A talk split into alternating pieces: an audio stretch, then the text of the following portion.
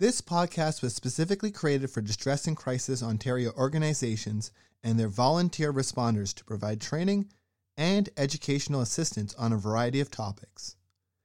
As information evolves and changes, these podcasts are meant to offer ongoing support with the goal of updating them on an ongoing basis. We thank the volunteer responders and the contributors to this podcast. Please visit our website, dcontario.org, for more information and how to access free mental health services. Thank you.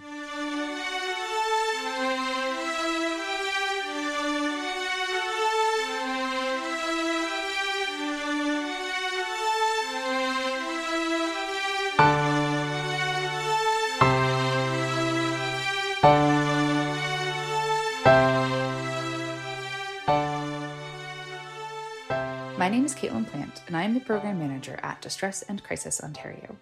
Thank you for choosing to listen to our podcast.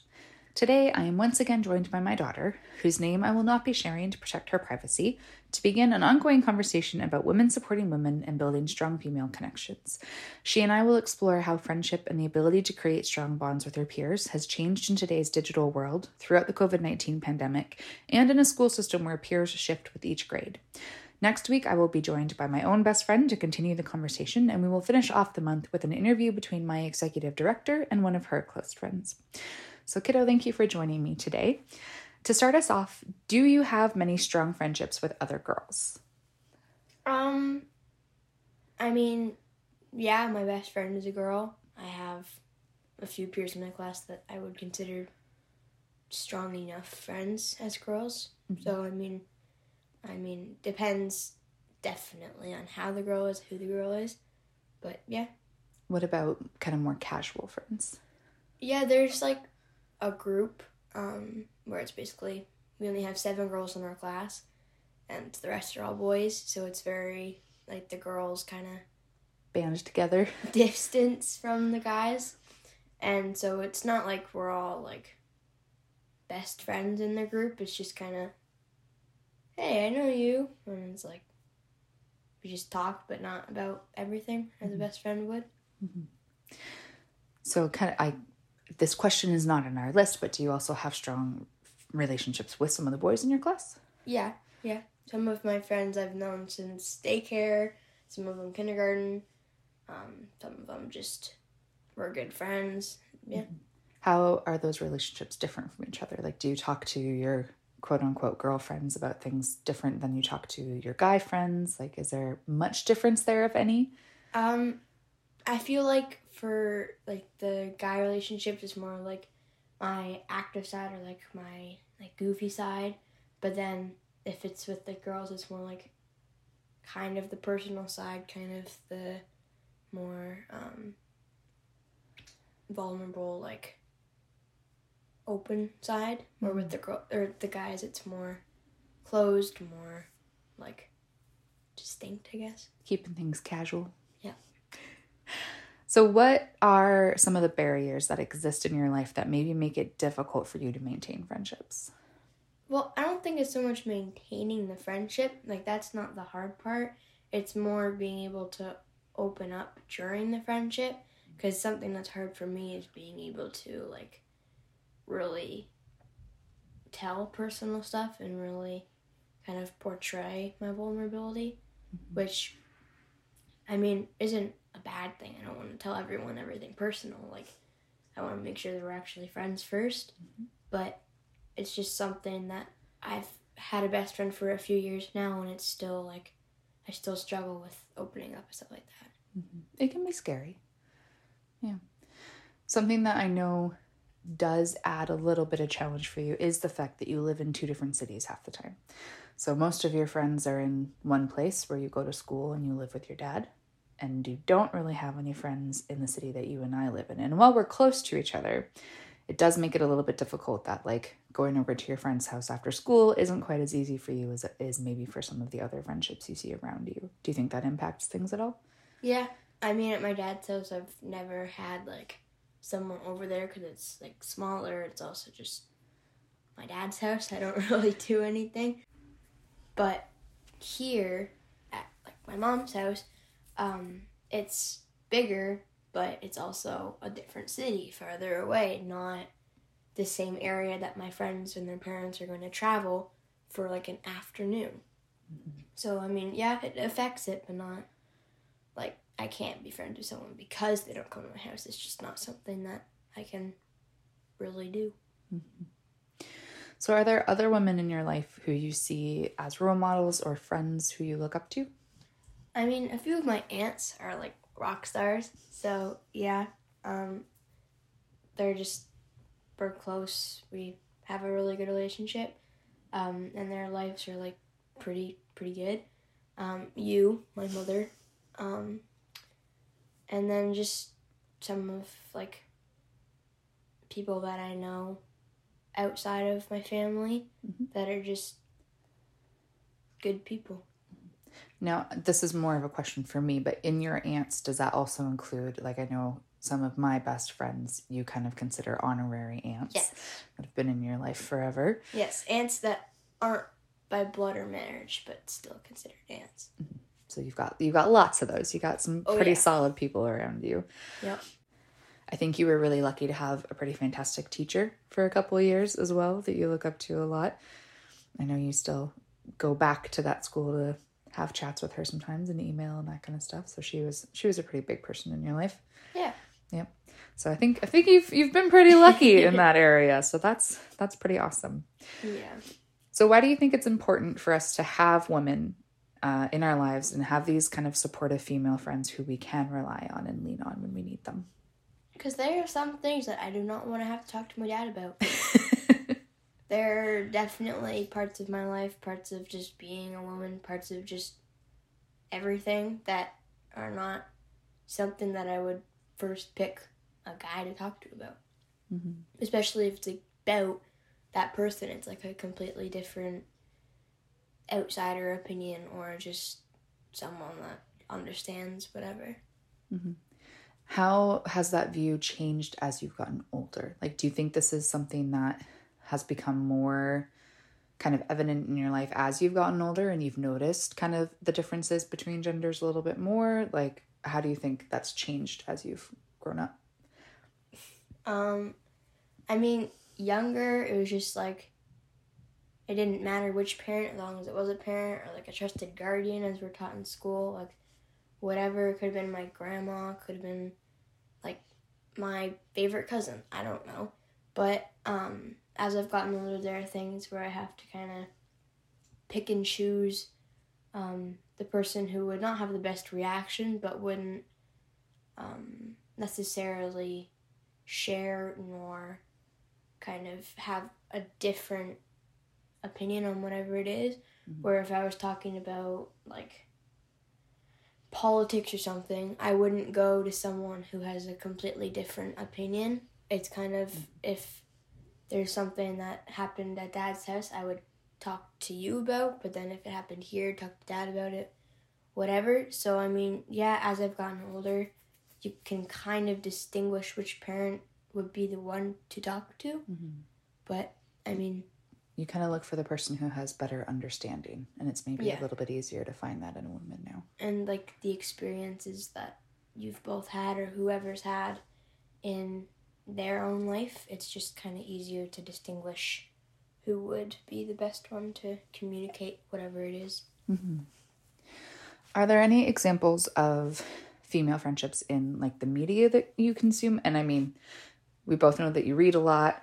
We like to watch movies. There's lots of TV shows we watch. I know you spend time on YouTube, all that kind of thing. Like, is there any friendships that you see in the media that you kind of aspire to as well? A whole bunch. Anyone like Gilmore Girls, I mean, there are some parts of their relationship that I don't want, but the um, connection and like the how strong they're best friends is just amazing. Like I, that's fun, and I really want that, and it's like cool.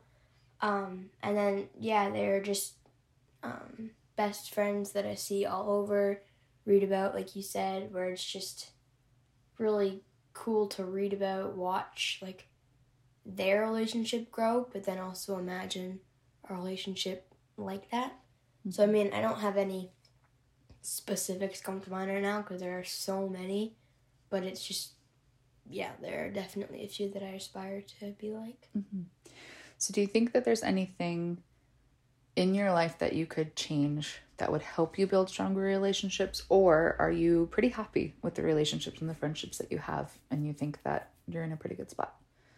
I mean, I'm in a pretty good spot, except for the fact that like there are aspects of my life that most of my friends don't share, mm-hmm. and like things that I like or things that I listen to, read, whatever, that my friends don't agree with, connect with in the same way. Or like, I would rather stay home and read a book than go out and like party. So it's just a very comfortable environment with me.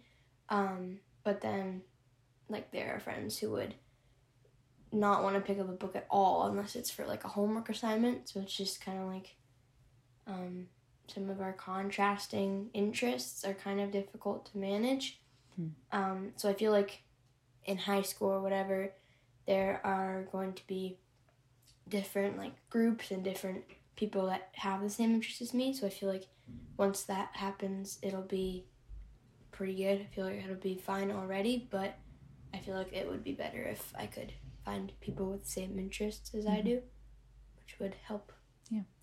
Do you think that COVID interrupted your friendships at all? Like, was there any impact from, you know, having to leave in person learning and go to virtual learning where you weren't seeing everybody every day anymore? Like, do you think that that maybe made it more difficult to come back together and rebuild friendships? Like, did that impact things at all? Well, there were two friendships that changed drastically. There was one um, that I was friends with from like kindergarten that during COVID we just kind of lost contact and then she left school and then went to home learning during COVID and then just stayed there. So we didn't really have a way to contact each other and really like talk to each other other than like on the phone or text or video chat, whatever. So that com- that relationship hasn't been very good. I kind of just don't talk to her anymore. But then there was another one where we had been friends like when we were younger, and then we were in the same class for about two years in a row. So it was just kind of we don't talk about the same things, didn't have the same anything to bond on. And then during COVID, it was just we were best friends again because we would call each other all the time. We would be in the same class again, so it was easier to manage our assignments together. We worked on like individual projects together where just we helped each other come up with ideas and then that kind of reformed our friendship. So now we're just good friends again because COVID kind of put distance between us, but then made us realize that we didn't need the distance. We could still connect in the same way, just mm-hmm. older. Mm-hmm. So you mentioned kind of texting and video chat and that kind of stuff in there. And I know that you um, are maybe one of few that doesn't actually have your own phone yet. We're we're a little bit behind the times on that one, which I know you love. Um, but you also do have some ways to connect using some of my devices, at least when you're here. So, how has technology kind of played a role? You mentioned it a little bit there that your one friend, you guys became closer because you were able to connect that way. But is, I mean, yeah, when I was growing up, the only way we could contact our friends was using the house phone that's attached to the wall, and you could only talk as long as nobody else needed the phone or the internet or whatever. Like, we didn't have ways to email each other or text each other or video chat or that kind of thing. So, we pretty much only saw each other at school. Like, how do you think that has changed the way that you shape your friendships? Well, I mean, I personally find texting much easier than phone calls, video chats, whatever, just because they're awkward to me. It's just not something that I really enjoy. So I just text a lot, so then we can talk a lot. But it, it sometimes is annoying how, yeah, internet is slow or terrible or it won't send a message or whatever. especially if we're just like in the middle of a conversation, someone has to leave or it takes a long time to respond. It doesn't change our friendship. It's just kind of annoying perks. Mhm. But I feel like yeah, it is important that I can still talk to people, especially if I'm not at school that day or whatever. So it helps me to kind of further my relationship with them. But I mean, at dad's, I don't have a way to really contact people online, um, except for like a tablet email where it's just emailing back and forth. But there are people who just have a phone, so they don't really check their email. Mhm. So I mean, one week we're just talking every day, and then the next week it's just no contact. So it's kind of Isolating a little bit. harder to balance. Yeah. Do your friends understand that? Like, do Yeah. they kind of know your schedule and Yeah. they kind of know I have when they can? I have to send them a message being like, "Hey, hi, hello. Tomorrow I am gone. We'll see you in a week. Um, bye." And it's gonna like, you can text me really early tomorrow morning, but uh, it will be a week before I talk to you again. Mhm. So then it's just kind of okay. Have a good week, and the next week we're back to talking again. So it's just kind of Yeah, Yeah, fair enough. Is there anything else that you'd like to add that we haven't already talked about? not really. Okay. Well, I would like to take this opportunity to thank you for being one of my best friends and for joining me on this podcast as often as you do. I think, yeah, it's a cool way to get to know you a little bit better and pick your brain about things, and I really appreciate that. And then